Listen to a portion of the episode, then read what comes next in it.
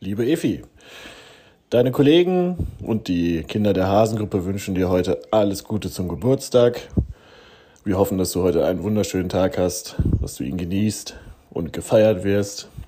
Und damit du dich heute nicht so sehr als alte Dame fühlst, haben deine Kollegen und auch ein paar Kinder aus der Hasengruppe dir ein paar Weisheiten aufgenommen, ein paar Zitate, die dir ein bisschen vielleicht dabei helfen, dich ein bisschen jünger zu fühlen. Viel Spaß dabei.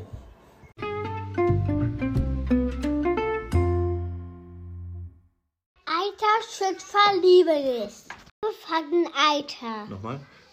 Aber Liebe von den Alter. Anzug abgetragen wird, Beginnt seine Glanzzeit. beginnt seine Glanzzeit. Hält jung. Nochmal. Alles macht Spaß, halt hält jung. Alles, was Spaß macht, hält jung. Alles, was Spaß macht, hält Jungen. Alternde Menschen sind wie Museen. Nicht auf die Fassade kommt es an, sondern auf die Schätze im Inneren. Alt werden heißt sich selbst ertragen lernen. Wenn der Apfel schrumpelig wird, verliert er nicht seinen guten Duft. Ich bin in einem Alter, in dem man Jugendsünden gestehen sollte, bevor man sie vergisst.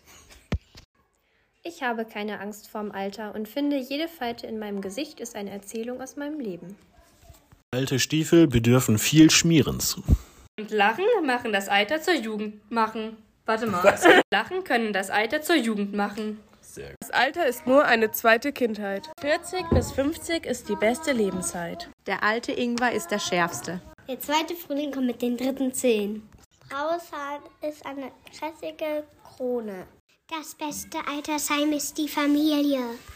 Man wird alt, wenn die Leute anfangen zu sagen, dass man jung aussieht. Der Rost macht erst die Münze wert. Frauen im mittleren Alter sollten nicht traurig sein. Auch in der Geschichte kommt nach dem Mittelalter die Neuzeit. Das Alter hat auch gesundheitliche Vorteile. Zum Beispiel verschüttet man ziemlich viel von dem Alkohol, den man trinken möchte.